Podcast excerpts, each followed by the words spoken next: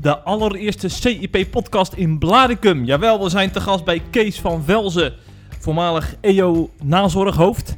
En ook spreker namens Christen voor Israël, wie kent hem niet. En met hem gaan we onder andere praten over gedoe op de Bijbelbelt. Krimpen aan de IJssel en Urk staan in het punt, middelpunt van de belangstelling. Er is zelfs een ontploffing geweest met vuurwerk afgelopen nacht in Krimpen. Dat gaan we bespreken in deze podcast. Ook nog even de corona-routekaart voor kerken, die komt ook nog voorbij. En een reformatorische school die bezoek krijgt van de onderwijsinspectie.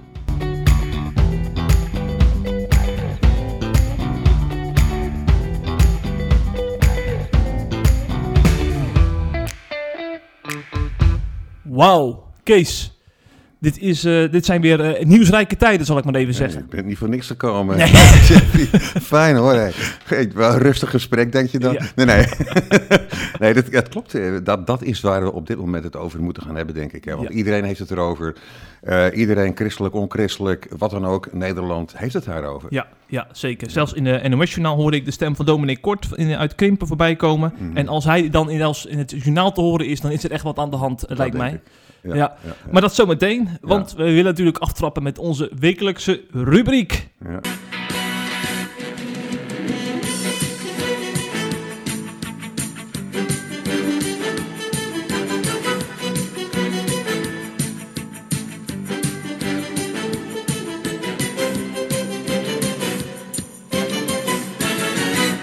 De ergernis van de week. En de mensen, dit is natuurlijk een podcast, dus kunnen ons niet zien. Nee. Maar anders zagen ze hier Kees van Velzen met een hele mooie krant voor zich. Ja, het Nederlands wel. Dagblad is dit, hè? Zeker te weten. Ja. Ja. En het gaat dus over mijn ergernis van de week. En ik heb mij geërgerd aan een artikel van Ad de Boer. Dus ik ga nu afstand nemen van Ad de Boer. En notabene, mijn gewaardeerde vroegere collega en directeur van de EO. Nee, de, hij, er stond een stuk, gender, nieuwe splijtsom, S- ChristenUnie en D66. En dan denk ik, daar gaan we weer, Ad, kom op hé. Waar staat, hij zegt nou... Hij zegt ehm, over eh, genderdysforie en dergelijke. En dan zegt hij: Ik voel me lichtjaren verwijderd van de Nashville-verklaring. die de scheppingsorde, God schiep man en vrouw, in stelling brengt tegen geslachtsverandering, et cetera. Ik denk, Ad, waarom moet je dat nou doen? Maar, wat denk je, eh, als ik verder lees, eh, Jeffrey, dan zie ik dat het eigenlijk een heel goed stuk is, met uitzondering van die ene opmerking Ja. dan natuurlijk best Ad, maar dat hij het aandurft, toch maar, dus mijn ergernis sloeg om in waardering, Ja.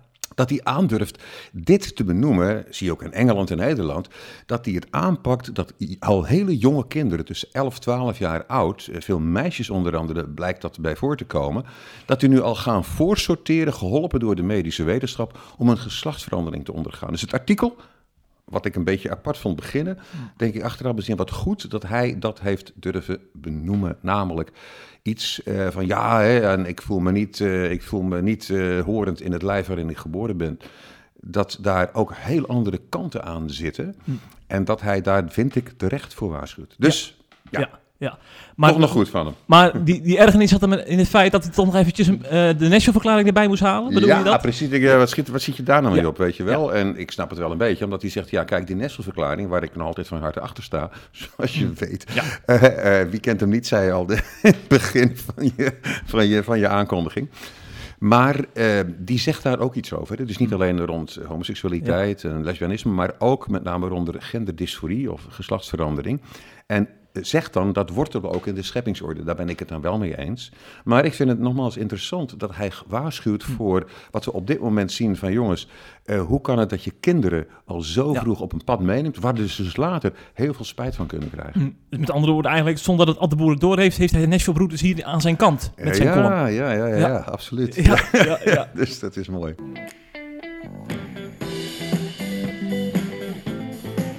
Hoe denkt Kees van Velzen over de relschoppers op de Bijbelbelt? Je hoort het in de CIP-podcast.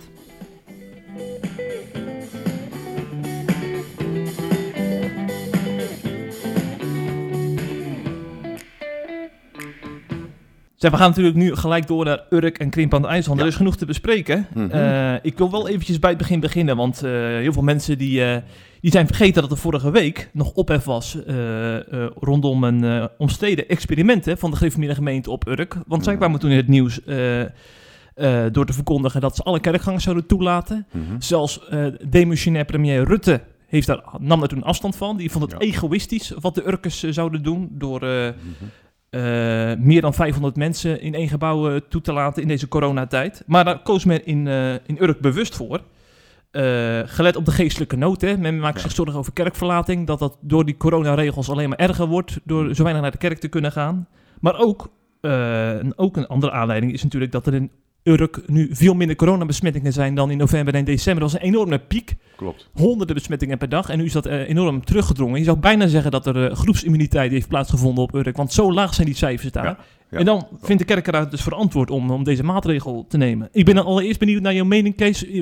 Kan een kerkraad dat maken in deze tijd? Alle kerkgangers toelaten? Ik vind, Jeffrey, oprecht dat een kerkraad dat wel kan maken in deze tijd. Dat vind ik oprecht. En waarom uh, vind ik dat? Omdat de wet, de Nederlandse wet, nog altijd een uitzonderingspositie heeft voor kerken, gemeenten, maar ook voor synagogen, voor moskeeën, et cetera. En dat kunnen we leuk of dat kunnen we niet leuk vinden. Dit is, het wortelt zelfs hè, uit de, eh, de, de Spaanse overheersing. En dat is dus niet iets van gisteren of van eergisteren. En het is geworteld in het feit dat je juist niemand iets wil opdringen ten aanzien van je eigen religieuze overtuiging of datgene wat je gelooft. En ik vind het dus een groot goed dat dat er is. Waar ik op beducht was, dat was dat de kerkdaden op Urk, dat die iets zouden doen wat illegaal was. Dat hebben ze niet gedaan. Ze zijn ingegaan tegen adviezen. En eigenlijk hebben ze gezegd, joh, wij hebben nu al maandenlang, hebben wij ons getrouwelijk, wat ze al meer dan een jaar lang daaraan gehouden. En nu hebben wij een authentieke keuze gemaakt, ook volgens aanzicht dat wij dat willen doen. Ik weet dat daar christenen en niet-christenen en ook christenen dus zwaar over vallen en zeggen, dit is onverantwoord. En ik behoor toevallig tot het kamp die zegt, ik vind het heel verantwoord hm. dat ze het gedaan hebben. Ja, ja, ja. Sommigen zeggen, er gaat wel een verkeerd signaal van af. Want nu uh, leven in tijden dat er nog altijd heel veel besmettingen zijn. Sommigen spreken zelfs van een derde golf. En dan is, dan, is dit dan het moment om dan alle deuren wagenwijd open te zetten? Opmerkelijk is, jij noemde het ook in je introductie, Jeffrey, dat de kerkraad zei dat ze bang zijn voor kerkverlating en zo. Maar ook dat ze daarbij noemen van, joh, het luisteren of het kijken eh, op je beeldscherm naar een dienst is geweldig. Moet je vooral ook doen natuurlijk. Ja. Maar tegelijkertijd is er ook de ontmoeting met elkaar. Dat dat natuurlijk nu in een heel raar daglicht is komen te staan, dat snap ik ook wel. Maar dat je ook elkaar ontmoet. Dat je gezamenlijk wil zijn. Dat je gezamenlijk wil zingen. Dus dat ze zeiden, daar maken we ons ernstig zorgen over. En dat vind ik een heel goed iets dat dat gezegd wordt. Omdat ik denk het gemak waarmee uh, sommigen zeggen van, ja, dan gaan we toch gewoon niet naar de kerk.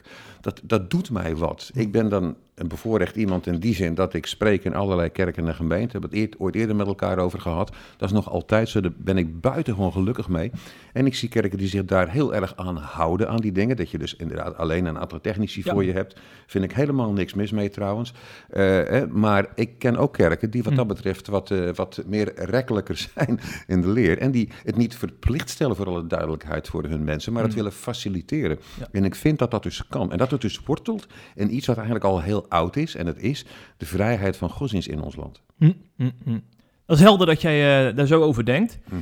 Eh, dan vraag ik me dan toch af, uh, in hoeverre heeft, is men te, te, naïef geweest als het gaat om de hele persbubbel die dan ontstaat. Want je weet van tevoren, als je dan zo'n experiment begint op Urk, nou dan komen alle verslaggevers die komen van de Randstad naar het voormalige eiland. om, om eens even uh, wat vraagjes te stellen. En ook die microfoon behoorlijk onder je neus te duwen. Exact. En, en, en dat vind ik inderdaad een heel, heel uh, boeiend punt. Als ik nog even nog iets mag toevoegen waar ik nu aan denk. Gisteren zat ik te luisteren naar een uitzending. Dat heet tegenwoordig Blok en Twan. Dat is een programma op de radio. Oh ja, Radio 1. ja, dat heet vroeger Staks en Kwan. Dionne Staks zit hm. erbij. Maar goed, nu is dat Blok en Twan. En daar hadden zij, ze hebben dan elke keer hebben ze een coronaspecialist. En dat bleek in dit geval een arts te zijn met roots op de Bijbelbelt. Hij gaf wel aan dat hij zelf niet meer, begreep kerkelijk meer levend was. Maar ik vond het opmerkelijk. Hij is een vraagbaak. Dus je kunt elke willekeurige vraag uh, over corona dan aan de man stellen. En uh, leek me sympathieke kerel als ik hem zo hoorde. En toen kwam de grote vraag van in hoeverre zijn kerken nu in het algemene mede verantwoordelijk voor het doorgeven van dat virus. En toen zei deze man, en die, weet, die, die het weet waar hij het over heeft, ze zegt dat is minimaal, dat is bijna niks. Hij zei wel, hij zegt wat je wel ziet met die kerkelijke gemeenschappen, dat is dat mensen uh, elkaar heel veel opzoeken. Thuis. Dus zeg maar, thuis precies. Hè, en met verjaardagen bij elkaar komen. Hij zegt, daar zit wel een probleem. Hij zegt bij wijze van spreken, de kleinkinderen die na de kerkdienst opa en oma gaan opzoeken. Daar zit een groter risico in Mhm. dan het bezoeken van een kerkdienst. Dus ik vond het, hij, hij kon dat met cijfers staven. Dat ook kerken waar dus meer mensen toegelaten worden, niet bijdragen aan meer, het vaker doorgeven van het COVID-19-virus. Nou, dat wil ik even erbij zeggen. Om te zeggen van die kerken die zijn niet dom bezig Mhm. of zo. Maar die maken keuzes binnen de marge die de wet hen geboden heeft. Maar nogmaals, ik, jou, ik probeer niet je vraag te ont- ontduiken. Kijk, wat er vervolgens gebeurde, en dat, dat vind ik een lastige in die zin, dat ik heb er wat over zitten nadenken en misschien eigenlijk als een soort illustratie. Gert-Jan Segers, die, die tweette op zondagavond dat hij, en dat vond ik ook heel terecht, nadrukkelijk afstand nam van het geweld wat er had plaatsgevonden, zowel op Urk als in, eh, als in Krimpen. En ehm, eh, Kees van der Staaij, die deed dat op maandagmorgen. Ja.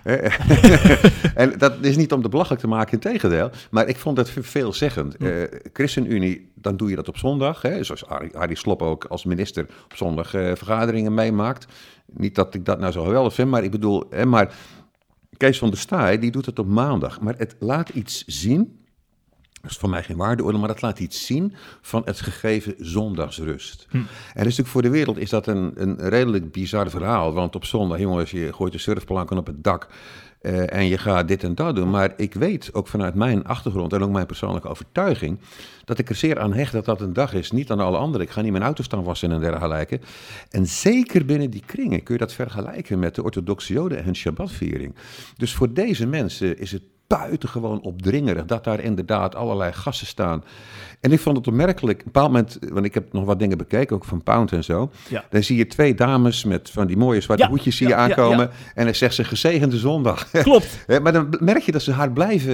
Dan denk ik, jongens, Laat er dan met rust als ze dat zeggen. later dan met rust, weet je.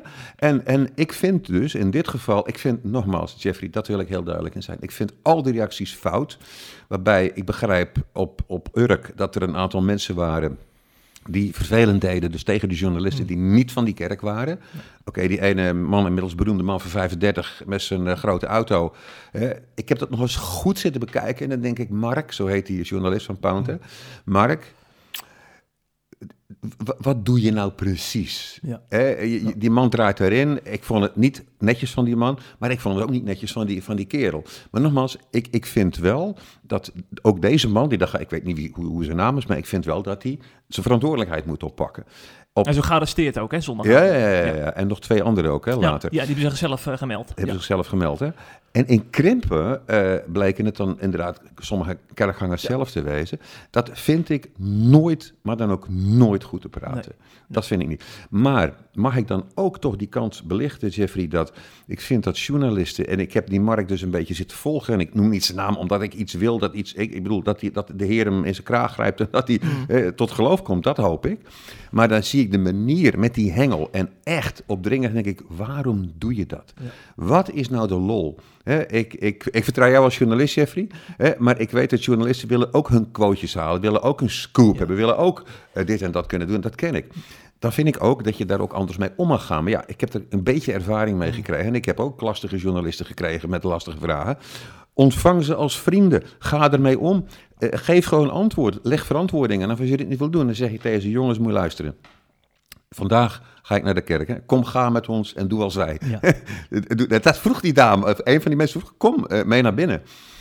Ik wil je best, morgen wil ik je vertellen hoe en waarom, maar nu eventjes niet.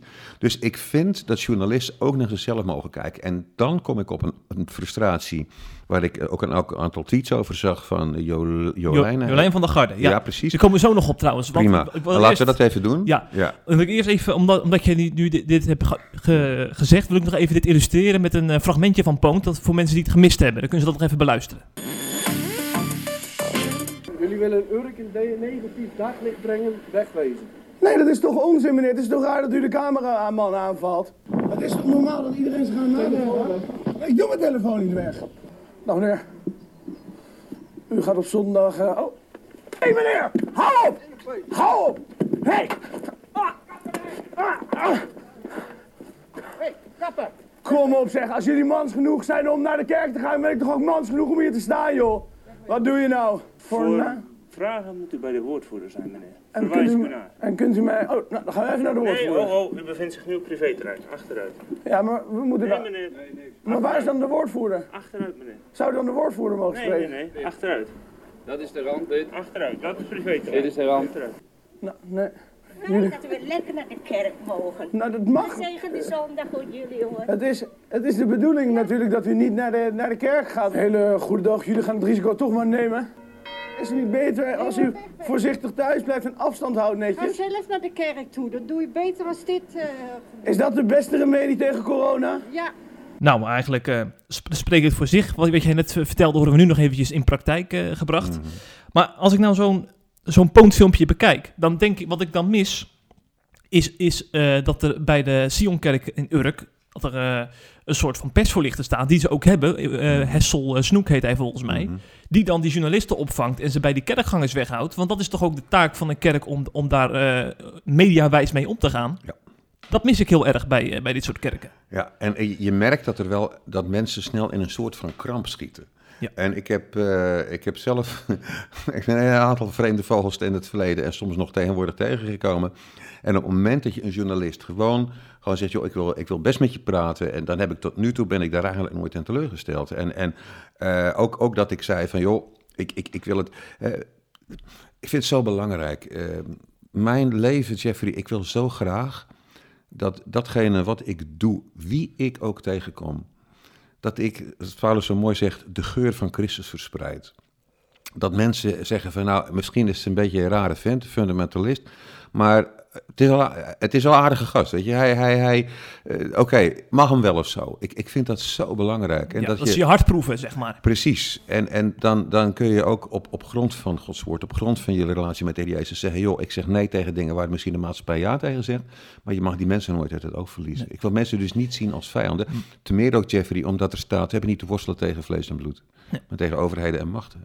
Ja, ja. Maar eh, dat vind ik mooi dat je dat zegt. Maar dan lees je vervolgens dat diezelfde Hessel Snoek, hè, de persvoorlichter van de Sionkerk in Urk, Mhm. vervolgens zegt van, ja, die, die, die journalisten zijn terroristen. Ja. De- de- ze, ze mogen een voorbeeld nemen aan de SS'ers in de Tweede Wereldoorlog. Die, waren, die gedroegen zich nog beter, zegt hij dan vervolgens. Wat moet je daar nou weer mee? Toen ik dat las, toen werd ik een beetje bedroefd. Ja. Toen, werd ik, toen werd ik echt bedroefd. Toen denk ik, jongen, waarom doe je dat nou? A, een vergelijking met de Tweede Wereldoorlog, zeker in dit kader, vind ik totaal ongepast. Staat nergens op. Punt toch? één. Ja. Punt 2. We hebben net meegemaakt dat broeders en zusters in Indonesië een bomaanslag kregen. Afgelopen zondag, Palmzondag. waardoor, precies, waardoor Gods genade, alleen helaas, of helaas ja, maar, maar de terroristen bij omgekomen zijn, alleen de bewaker die is gewond. Ja. Dan denk ik, kijk, dat je dat zou benoemen, maar alsjeblieft, ga nou niet, een, vind ik ook niet slim handelen van die kerk, even schuiven op, op dat zijn terroristen. En nogmaals, het plaatje wat je van iemand hebt. Hè? Als mensen kijken, ja, dat is een Marokkaan. En dus, weet je wel? Ik zeg, dat is een Marokkaan. En dus, het is ook een schepsel van God. Waarvan ik hoop dat hij de Heer Jezus gaat leren kennen. Zie nou die mensen niet als je vijanden. En dat vind ik dus juist in deze tijd zo ongelooflijk belangrijk. Omdat we in de lijdenstijd zitten. Wij zitten precies in de tijd waarin degene die alle macht heeft op de hemel en op aarde... dat heeft afgelegd. Voor jou en mij. En, en heeft laten zien, dit is opofferende liefde. Die, ik, ik las dat in de, in de Statenvertaling. Eh, dat, was dat had ik nooit eerder gezien. In Marcus 14, vers 44, hou maar op. Daar staat dat als in de het Hof van Gethsemane, dat, eh, dat, dat daar dus eh, Judas komt. Hè? En dan staat er in, in de Statenvertaling met een gemeen voorstel. Er staat letterlijk het woord gemeen bij. Dus ja, dat bedoelt algemeen zeker. Maar, maar wat zeg je? De Heer Jezus zegt een vriend, waarom ben je hier? Hij noemt een vriend. Terwijl, die een, terwijl de Heer Jezus is die uit de kast, uit, uit de kaststal jatten, om het even zo te zeggen. Terwijl die een zou verlogen en zegt nog, vriend, waarom ben je hier? En alsjeblieft, dus dit soort dingen, dat helpt niet. En ik vond die journalisten te opdringerig, maar het zijn voor mij geen SS'ers, het zijn geen terroristen. Terroristen hebben we gezien. En dit waren geen terroristen. Nee. En dan vind ik best dat je kunt afspreken van mannen, moet je luisteren. Deze mensen gaan naar de kerk. Daar kun je van alles en nog wat van vinden. Maar wij hebben die keus gemaakt. Wil je alsjeblieft gewoon, joh, ik wil best met je praten, maar laten we dat niet doen. Nee, nu, nu laat je het ook een beetje gebeuren. Hmm. En daar vind ik dat je daar als verstandige mensen op mag ingrijpen. Ja. En, en, dus ik, vind het, ik betreur dat. Ik vind het heel jammer. En voor de volledigheid, eh, de kerkraad van die Sionkerk heeft excuses aangeboden eh, Ja. voor die uitspraken. Dus Ja, eh, ik neem aan wel. dat het een, ja, een soort van eh verstandsbijstering momentje was. Hè, dat, je, dat je door je emoties laat leiden. Weet je, eh, als ik, wat ik soms heb gezegd, dan denk ik wel, Kees, Ja, ja, had nou ja. even nagedacht. Weet je, en, maar wat ik dan zo mooi vind, dat er ook, eh, als je dan vervolgens hè, op- op, de die komt, als je dan gewoon durft te zeggen, waar het van jongens, dit, dit heb ik fout gedaan, sorry, wil je me dat vergeven? Ik heb gemerkt dat daar nog nooit iemand zijn gezag door is verloren, in tegendeel. Mm, mm, mm. ja. Nee, zeker. En dat, eh, dat weet Mark Rutte ook. Hè. Die heeft ook heel vaak Ja. sorry gezegd. En die is nog steeds premier. Dus Ja, en, en die is toch goed van een knappe teflonlaag voorzien. Maar, Ja. nee, nee, maar dat is zo. Weet je, en dat is natuurlijk apart. Je kun je overal mee wegkomen, maar je moet, het moet wel echt gemeend zijn. Dat je Ja. zegt van, joh, dit had ik gewoon niet moeten doen. Ja, ja, ja. En dan komen we nu bij die mevrouw die je net benoemde. Dat is eh, eh, Jolijn van der Garde. Zij is journalist. Heeft een, Mhm. ze noemt zichzelf een onchristelijke journalist met een streng gereformeerde achtergrond. En zij had op Twitter had zij een, een soort van analyse gemaakt op wat er nu gebeurt. Hè. Zij Ja. probeert dat, die, die geweldsincidenten te verklaren in Krimp en Urk. Mhm. En ik citeer eventjes uit haar eh, Twitter-timeline. Ze zegt... Journalisten komen naar zo'n dorp terwijl ze het artikel eigenlijk al geschreven hebben. Ze Mhm. komen om stereotypen te bevestigen en niet om open onderzoek te doen. Ondertussen Mhm. worden gereformeerden gehoond en beschimd door de samenleving, aangemoedigd door diezelfde verslaggeving. Mensen weten niet hoe Randstad-journalisten, zegt zij, al decennia trots en vergenoegd deze mensen kleineren. En toen dacht ik, daar heeft die mevrouw wel een punt. Ik vind het wel een, een heel terechte analyse, waar ik, waar ik meteen wil zeggen, erbij wil zeggen, dat, ehm, dat weten we. Ik vind het heel tof dat ze dat benoemt. En ik maak me ook heel weinig illusies wat er in redactieraden allemaal besproken wordt.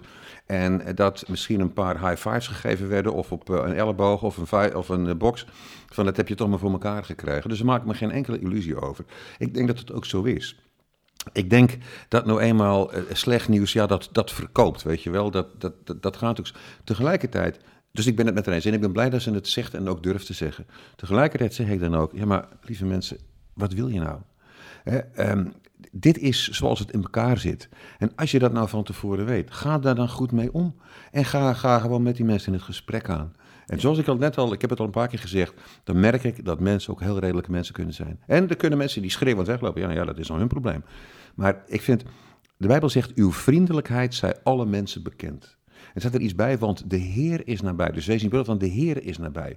Je hoeft je niet, ik bedoel, ik zeg wel eens, eh, je hoeft een leeuw eh, niet te verdedigen voor zijn kooi en zo. Je kan die leeuw gewoon uit zijn kooi laten. Hè, eh, het Godswoord is, is daarin krachtig genoeg. En wat wij zijn, wij zijn ambassadeurs van Christus. Dus, dus ook al komen mensen, en ik denk dat heus al dat die vooropgezette jongens, we gaan die gereformeerden weer eens eventjes, eh, Ja. even het, eh, je weet wel zetten. Oké, kom maar. Kom maar. En, en, en, en, en ga het gesprek aan met deze mensen. Ik ben blij dat ze het meldt. Ik vind het ook, eh, dat ze, ja, het vind ik tof van haar. Maar ik- dat is voor ons een waarschuwing van jongens, verspreid die geur, die reuk van Christus. Dat is onze taak. Dat is absoluut onze taak, ja. Ja, ja, ja. ja. Dus we hebben nu vooral eh, even gefocust op Urk, maar laten we Krimpen aan de IJssel ook even bijnemen, want dat is ook weer eigenlijk weer een kwestie apart. Want eh, die laten dus ook eh, nu alle kerkgangers toe. Mhm. Maar er speelt al veel langer speelt er van alles rond die kerk. Hè? Ja. De- Dominee Kort is daar dominee. En eh, Ja. eh, hij heeft eh, in het begin van de coronatijd heeft hij een brief aan de gemeente geschreven. Die Ja. is gelekt naar de Telegraaf. En daarin stond onder andere dat hij suggereerde dat corona een straf van God zou zijn. En Ja. eh, Ja. eh, die, die brief is vervolgens toch al een beetje uit de context gehaald. En waardoor Mhm. Waardoor hij er een, een homo-activist is opgestaan die het als homofoob heeft opgevat. Ja. Die is toen vervolgens een protestactie begonnen. Er stonden pas onder de honderden mensen op het... eh, Tim Hofman. Ja. Eh, Tim Hofman, de, Ja. de presentator, samen met eh, Ja. Leon Houtzager. Dat is, eh, eh, zeg ik, die is homoseksueel, die woont op Krimpen. Die hebben de handen ineen geslagen om die protestacties te organiseren tegen Mhm. deze dominee. Honderden mensen met regenboogvlaggen kwamen daarop af. Ja. Dus er is een soort sfeertje ontstaan in het dorp van eh eh, eh, Zully tegen Hully, zeg maar. Ja. En dat escaleerde zondag dus ook met die eh, trap in de buik eh, bij een verslaggever. Ja. Want die worden natuurlijk ook als, als vijanden gezien. Precies. Ja. Ik denk, de geest is nu wel uit de, uit de, de fles. Hoe krijg je die weer terug daarin krimpen? Kijk, ik- over Tim Hofman, hè. Ja. Ehm, ik zou Tim, die ongetwijfeld naar deze podcast ook zal luisteren, eh, toch willen vragen van... ehm, Tim, vind je nou echt dat je daar nou volkomen integer in was, wat je daar gedaan hebt? Vind je nou echt dat je dat ja, hè, omdat ik hem ook ken als iemand die zich ook bezighoudt, die ook bewogen is met, met, met, met mensen, et cetera. Hoe integer was het nou? Ja, voor de duidelijkheid, hij stond bij de Dominic, voor de deur om verhaal te Ja, halen. En hij wilde de kerk binnen en, en eh, het, het liet een beetje de spuigaten uit. Ja, nou exact. En da- eh, dus ik, ik kan zeggen, wat ben jij? Nee, ik, ik wil het liever zo formuleren, joh. Was dit nou echt volkomen integer? Is dat nou helemaal eerlijk? En ook als je met een dominee zit, ja, die kennelijk niet echt gewend is hè, om, om voor camera's te komen of wat dan ook Ja. of zo, weet je? En, en eh, zou je dat nou ook durven met andere religies en zo? Maar oké, ik laat even dat voor wat het is. Ook daar eh, zie ik inderdaad dat... ehm, en, en over dat sfeertje waar je, wat je zegt, dat vind ik wel opmerkelijk. Ja. Dat wat dat betreft lijkt het in een rap tempo achteruit te gaan. En ook zeker kerken, die natuurlijk voor in de ogen van heel wat Nederlanders een beetje een soort Amish-cultuur zijn. Hè, eh, zo van ja, dat is een soort groep apart. Ze hebben dan weliswaar niet paard en wagen en zo. Maar het, is, het, en het klopt ook. Het heeft, en ik, ik, ik voel me erover eens hartstikke bij thuis. Ik kom er ook zelf vandaan. Mm, Zeeland. Ja, absoluut. Hè, gereformeerde gemeente. En daar ben ik oprecht heel blij mee. Hele mooie contacten met mensen daar en zo. Maar dat is inderdaad, dus het is in de ogen van Nederlanders is het een soort van, ja, een soort, het een soort archeologie, weet je wel. Dat je de Tyrannosaurus rex op, opgraaft of zo. Kom op. Zo van het, het is dan, het is heel, en dat bestaat nog tegenwoordig. Terwijl er tegelijkertijd, dat, ik ken dat, ook van de, van de juist hele mooie kanten, van zeer gezagsgetrouwe mensen. Mensen die ik eh, ken, die, die hun ja is ja hun nee is nee. Er zullen ook uitzonderingen in zijn, maar dat is toevallig wel mijn persoonlijke ervaring. En ik loop ook alweer een tijdje rond de godsgenade. Dus ik, ik, ik houd er ook van. En ik houd vooral ook van het feit dat zij bijvoorbeeld durven te staan ook voor Gods woord. Dat ze daarvoor de, de, de, de integriteit ervan, het feit dat ze dat van Genesis 1 tot en met openbaring, dat ze dat accepteren als zij het onfeilbare woord van God.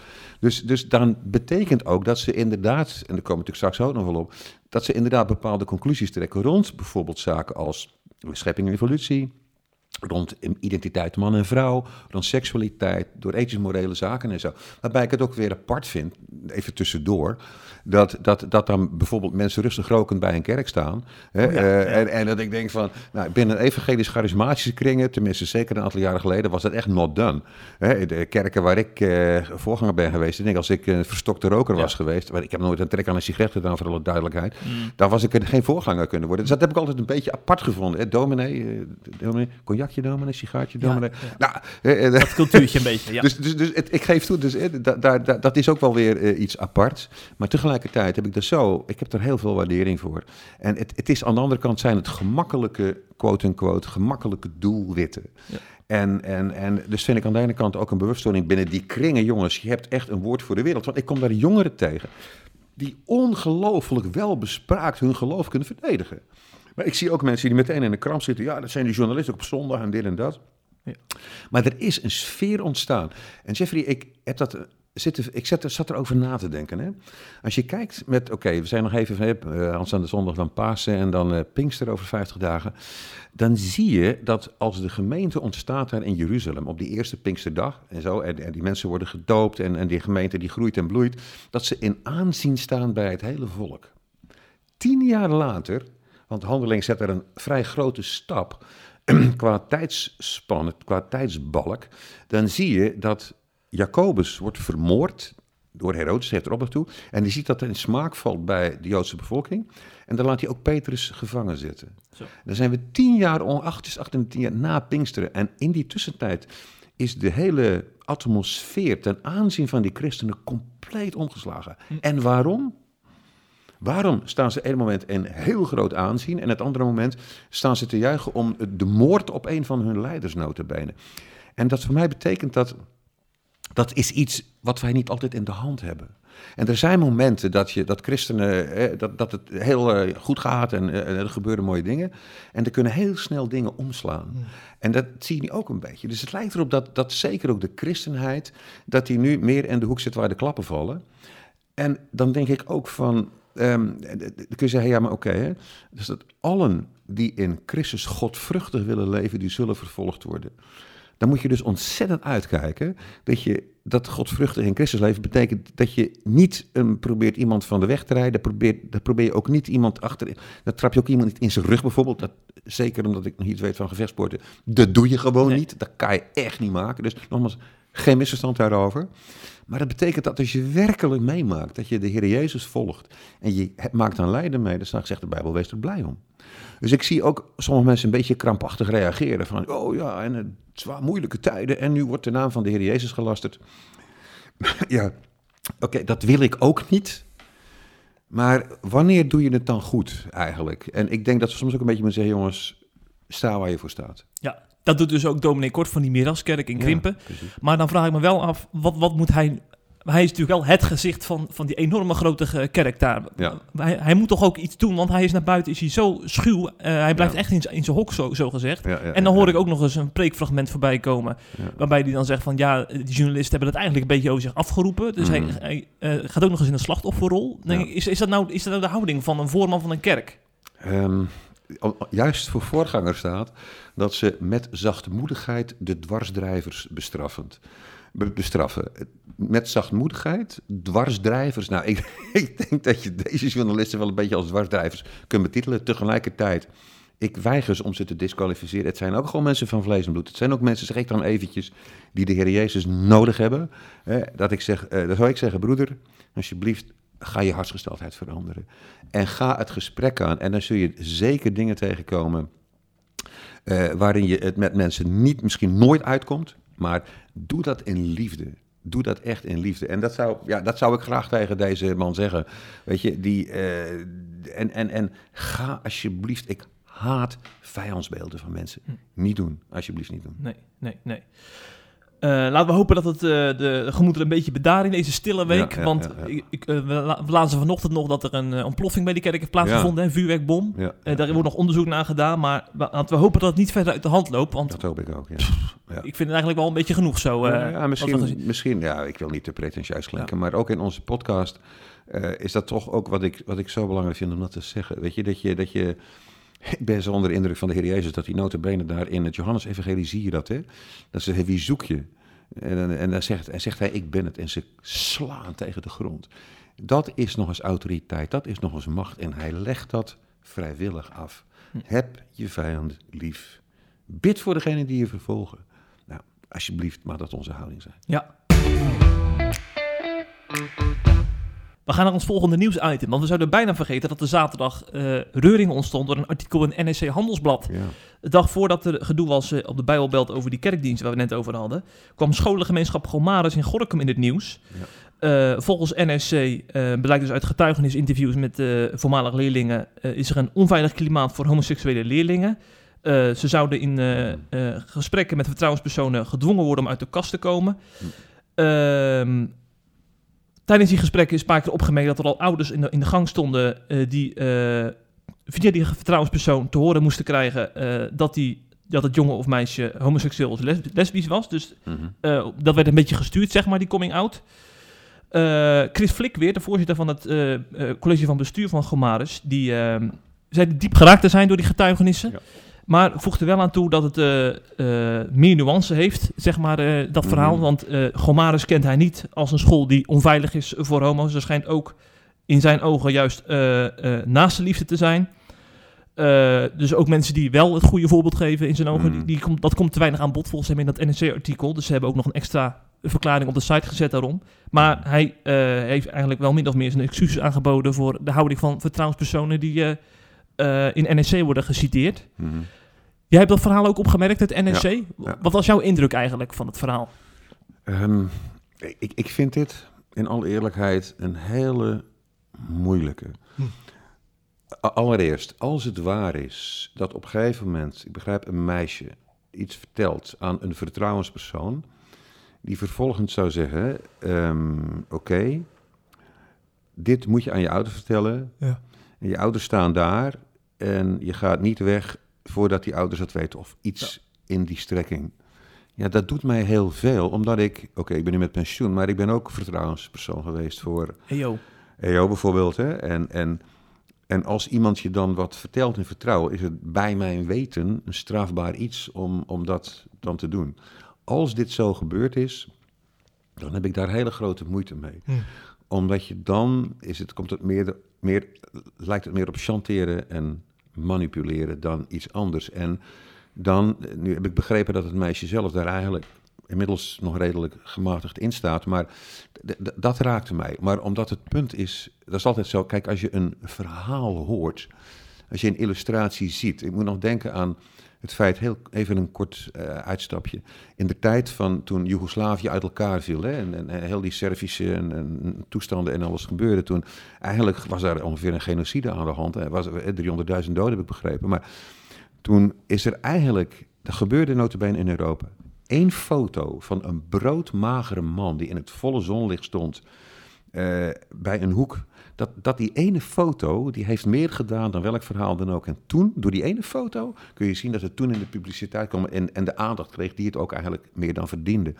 Dus zo'n illustratie, dat raakt mij omdat ik juist geloof in Gods plan voor iemands leven. Ook op het punt van seksualiteit. En nogmaals, je weet waar ik daarin sta. Ja. Ten aanzien van wat God bedoeld heeft voor de relatie eh, binnen natuurlijk tussen man en vrouw.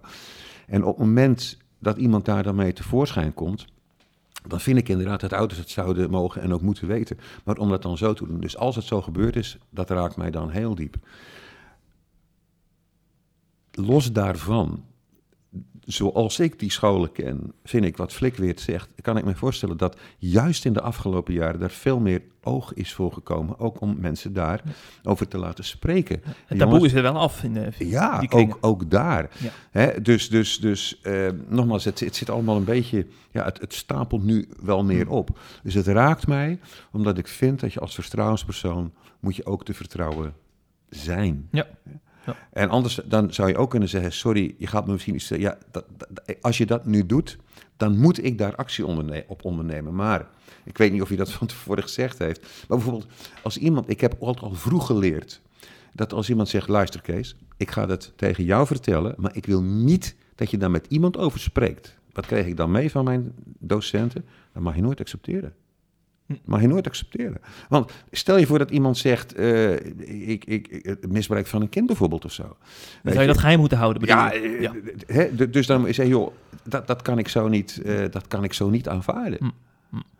Dus, dus dat, dat raakt mij, omdat ik dan denk van... eh, ik, ik, ik, ja, nou ja, ik hou van mensen en ik wil ook mensen graag meenemen bij de Heer Jezus Christus. En ik vind dat je dan ook als herder een schaapje mag meenemen en bij hem brengen. En dat deed me dus wel, het een en het. Hoe zou een vertrouwenspersoon dit goed kunnen doen? Dus je wordt geconfronteerd met een 16-jarige leerling die, Ja. die, die, eh, die, die vertelt dat ze op, eh, op eh, mensen van het eigen geslacht valt. Ja, Hoe ga je daar goed mee om? Ja. Nou, ik, ik, ik denk dat het zo belangrijk is om, om daarover te spreken en te kijken van, hè, ook, ook bijvoorbeeld zou ik dan vragen, hoe zie je dat in relatie met je geloof? Hè? Wat, hoe, hoe kijk je aan tegen geloof? Is de Heer Jezus voor je? En dan iemand in elk geval laten spreken, er voor iemand te zijn. De goede vragen daarbij te stellen. Ja. En ik denk uiteindelijk ook te zeggen, joh, het, ik denk dat het heel belangrijk is, dat je, bijzonder dat je het aan mij toevertrouwt, maar dat je hier ook een verdere stap in gaat zetten. Hm. Aanmoedigen. Ja, en, en alleen daarin is ook weer elk mens verschillend. En ik heb ook mensen moeten confronteren. Joh, dit kan niet. Dit, dit, dit, dit is echt onacceptabel. Hè? En mensen zeggen, joh, eh, dat, dat, dat- en, en, en ook aan, met, aan sommige mensen echt heel lang meegelopen. Voor mij heeft het te maken met herderschap. En een herder die, die, die moet daarin er zijn voor die ander en luisteren naar die ander. En dat betekent niet dat je daarmee in alles eens bent. Ik refereer dan even waar ik mee begon over het artikel van Ad de Boer. Dat, er staat ook in de Bijbel, soms lijkt een weg iemand recht, maar het einde ervan voert naar de dood. Dat is eh, stevige taal. En daar wil je, daar wil je mensen niet eh, uit laten komen. Nee, Dat vraagt om wijsheid om daar eh, goed mee om te gaan. Ja. ja. Die wijsheid heeft ook eh demissionair minister van Onderwijs Arie Slop nodig. Want Ja, hij heeft eh, hier natuurlijk direct mee te maken in zijn ta- takenpakket. En hij gaat ook de onderwijsinspectie op de school afsturen om Ja. ja, toch te kijken wat, of, of er inderdaad strafbare dingen hebben plaatsgevonden. Ook SGP-Kamerlid Roelof Bisschop vindt dat een goede zaak, want hij vindt sociale veiligheid cruciaal. Dus eh, hij, vol- ook volgens hem moet het op de bodem worden uitgezocht, tot op de bodem. En eh Gert-Jan Segers natuurlijk, hè, van de ChristenUnie. Ja. Hij zegt dat er nog een eh, wereld te winnen is. En heeft ook, is ook geschrokken van eh, deze voorbeelden in de krant. Ja. Ik vraag me af, vind je- is het eigenlijk goed dat eh Arie Slop op deze manier reageert door de onderwijsinspectie erbij te halen? Ik, ik heb Arie een paar keer ontmoet. En ik vind Arie, eh, hij is ook hardloper, hè? op lange afstand. Ja. Hij heeft wel iets onverschrokkens. Ik vind wel dat hij het aanpakt. Ik hoop wel, en dat lijkt me ook best lastig, dat hij ook zijn geestelijke rug daarin recht houdt. Hij heeft, het, het is zo makkelijk om aan de zijkant te zeggen, ja, Arie dit, Arie moet dit, Arie je moet zus, je moet zo. Hè? Dat is allemaal heel makkelijk. We weten, als je een schip hebt en je wil de beste stuurlui vinden waar die staan, aan de wal. Niks te doen. En die is alleen te kijken van hoe het, dat die ander het fout doet. Dus ik heb daar, dus, daar is ook heel veel gebed voor nodig. Tegelijkertijd vind ik ook dat hij ook moet staan waar ook de ChristenUnie voor staat. En dat is, Joons, dat God dingen heeft gezegd over seksualiteit. En dus, ik vind, je kunt met iemand, eh, laat ik het zo zeggen, in gesprekken ook met, met, met, ja, als je zegt dit soort mensen. Maar goed, laten we zeggen mensen die er anders in staan, rond, rond thema's van seksualiteit. Dan vind ik het heel belangrijk dat je elkaar aanvaardt als gesprekspartner. En dat je ook zeggen, joh, ik ben er altijd vanaf, dit kan niet. Ik vind, als je, het doel van alle vermaning is liefde uit een rein hart. En ik vind ook dat je je grenzen mag aangeven. Maar verlies je mensen niet in het gesprek door domme dingen te doen. En als mensen zeggen, sorry, als jij niet bereid bent mij te vertellen dat ik datgene mag doen waar jij het niet mee eens bent. Dat zal ik nooit zeggen. Dat kan ik ook niet zeggen. Ik ben ook voor God toch verantwoord, verantwoording schuldig. En ten diepste ben ik ervan overtuigd dat God zegt de allerbeste is voor mensen. Ja, ja. Maar nogmaals, Arie, het is een, eh, het is een bijzondere taak die hij heeft. Ja. En, eh, laat alsjeblieft voor deze man bidden. En, en, en ja. Hm. En wie weet dat hij dit nog eh, vier jaar eh, mag volhouden. Want als de ChristenUnie Ja. mee gaat regeren, kan hij misschien wel op zijn post blijven. Wie weet, hè? Ja, dat, dat, Ja. en dat is natuurlijk ook best wel een interessant punt, hè, wat Ja. je nou noemt. Even tussendoor. Dat is, eh, als je natuurlijk inderdaad een kabinet zou krijgen met in plaats van, van ChristenUnie jaar 21, dan kun je zeggen, ja, nou ja, oké, dan, eh, dan, dan, dan, dan- het met jaar 21, dan, dan zal die ethisch-morele zaak waarschijnlijk wat minder. Ik vind, ik vind dat de ChristenUnie, en ik ben het lang niet met alles eens, moet je dan ook even zeggen natuurlijk, dat Vooruit maar, eh, daar heb ik het even gezegd. Ja. Maar ik bedoel, ik, ik, ik vind het nog altijd te prijzen dat mensen durven zeggen... jongens, wij willen met onze voeten in die klei gaan staan. En omdat we nou eenmaal leven in een parlementaire democratie... waarin er nog niet naar uitziet dat een- één partij 76 zetels gaat halen Hm. in, de, in de Tweede Kamer. Eh, Dus het zal altijd een compromis zijn. En dan is toch het punt van hoe ga je eh, dingen doen. En Ja. daar kom ik in de Bijbel ook dingen van tegen. Als ik bijvoorbeeld kijk aan, naar Paulus die door Athene loopt en zich wezenloos ergert aan al die afgodsbeelden daar, dan er eentje tegenkomt, daar zegt aan de onbekende God, van die Grieken Romeinen dachten, ja, je zult maar een God overgeslagen hebben. Weet je wat? Aan de onbekende God. En wat zegt hij dan? Hij zegt, terwijl hij zich echt stond te ergeren, hij zegt, ik zie dat jullie heel godsdienstig zijn. Maar, maar over die onbekende God, daar wil ik het nou eens over hebben. En dan zegt hij, wat zijn jullie een stelletje afgodendienaars? Hij zoekt die gemeenschappelijke grond om van daaruit zijn verhaal te kunnen doen. Dat is een mooie taak voor de ChristenUnie dus. Om dat ook zo te Hele mooie taak, Ja. absoluut. En laten we, mogen ze ook stevig aanpakken. Hè? Als ze Ja. zeggen, jongens, kom op, we gaan te ver. Jullie gaan nou even te ver. Ja. Fluit ze terug, maar bid voor ze. Hm. Vast ervoor, zou ik zeggen. Hm. Bidden en vasten. Ja. Zeker ook aan deze tijd. Zeg, het slot van deze podcast wil ik nog heel even kort besteden aan die corona-routekaart voor Ja. kerken. Want eh, die is vorige week verschenen. Mhm. Eh, een routekaart eh, voor al die kerken die niet meer echt koers kunnen houden in deze coronatijd. En dan Mhm. moet je nou 30 mensen toelaten of 100. Nou, dat is Ja. nou een mooie routekaart. En dan weet je een beetje, hè, als we in Ja, ernstig zitten of in minder ernstig, dan weet je hoeveel je max mag toelaten en wat een beetje de, de voorschriften zijn. Ja.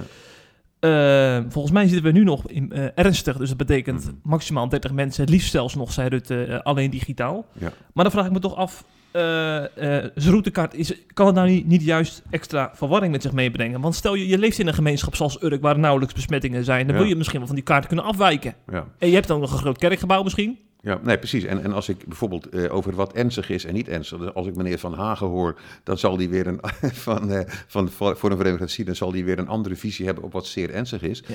Ehm, ik, ik, ik vind het eh, goed dat je dit noemt. En ik vind het ook belangrijk dat die kaart er is. Het CIO die heeft dat dus dan uitgedokterd, zeg maar. En daar ook tot en met dingen over genoemd wat ambtsdragers kunnen doen enzovoort. En een aantal mensen. Ik zei het al eerder, ik spreek in verschillende kerken en gemeenten ook in de afgelopen tijd weer. En ik vind dat eh, leiders van een gemeente een bijzonder zware taak hebben.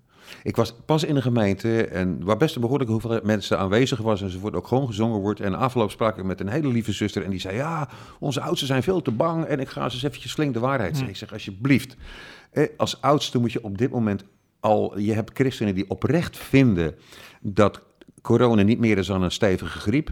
En er zijn christenen oprecht vinden die zich bijna helemaal betoezet om het een stevige griep te noemen. Het kost levens, het kost mensenlevens. En, en, en dat is niet geestelijk of ongeestelijk. En ik vind dat de leiding van een kerk, als die besluiten, jongens, wij gaan dat niet doen. Wij laten niet meer dan de technici binnen en we gaan het voor de, rest, di- voor de rest digitaal doen en je kijkt maar in een camera. Prima, God bless you. Als er mensen zijn zoals op Urk die zeggen van wij vinden dat het wel kan, van harte welkom, God bless you. Hè, ieder zijn zijn gemoed volle verzekerd. En dat heeft voor mij te maken ook met wat je ziet, de, de, de zwakheden van een ander te verdragen. En dat is voor mij, en ik vind die routekaart, die kan daarbij echt helpen.